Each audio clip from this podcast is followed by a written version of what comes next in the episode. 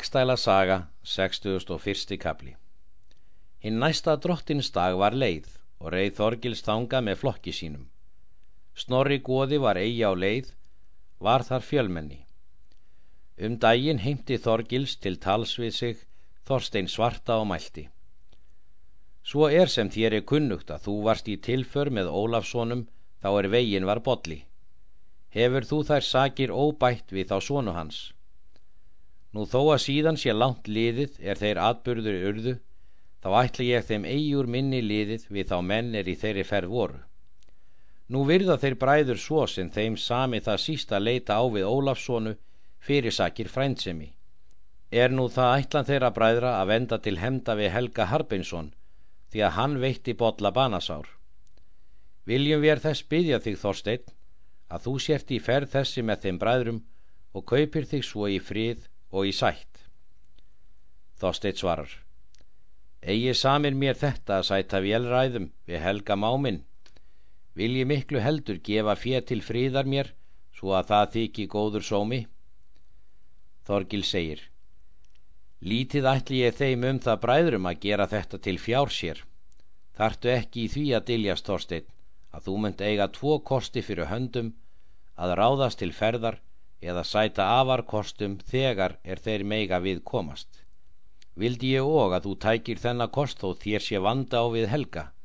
Verður hver fyrir sér að sjá er menn koma í slíkt öngþveiti. Þorsteit mælti. Germun fleirum slíkur kostur þeim er í sökum eru við svona botla? Þorgil svarar. Um slíkan kostmun lambi eiga að kjósa. Þorsteit hvaðst á betra því kef hann skildi eigi verðum þetta einlægi.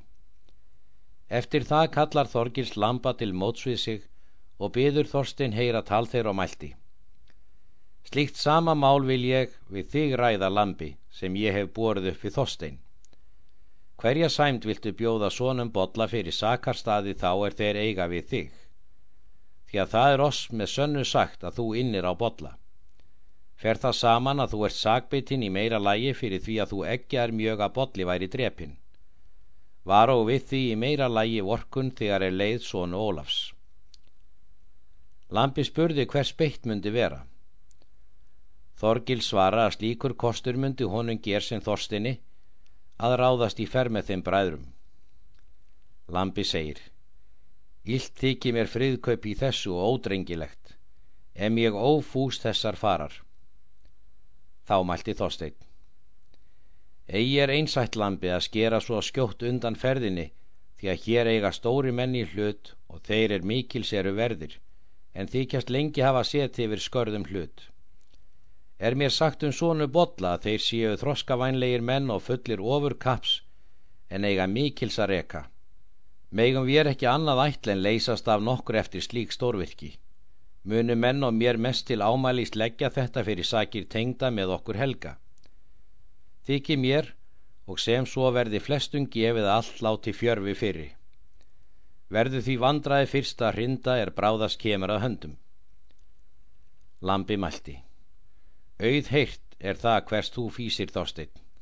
Ætla ég það vel falli að þú ráðir þessu ef þér sínir svo einsætt við lengi höfum við átt vandraða félag mikið saman. Vil ég það til skilja ef ég genga þessu að þeir frændur mínir Ólafsinnir siti kyrrir og í fríði ef hemd gengu fram við helga. Þorgils játtar þessu fyrir hönd þeirra bræðra. Réðs nú þetta þeir Þorstein og Lampi skulu ráðast með Þorgísli til ferðar, hvaðu á með sér að þeir skildu koma þriðja dag snemma í tungu í hörðadal. Eftir þetta skilja þeir. Rýður Þorgils heimum kveldi í tungu. Líður nú sjá stund er þeir höfðu ákveðið að þeir skildu koma á fund Þorgils er til ferðar voru ætlaðir með honum. Þriðja morgun fyrir sól koma þeir Þorstein og Lambi í tungu. Fagnar Þorgils þeim vel.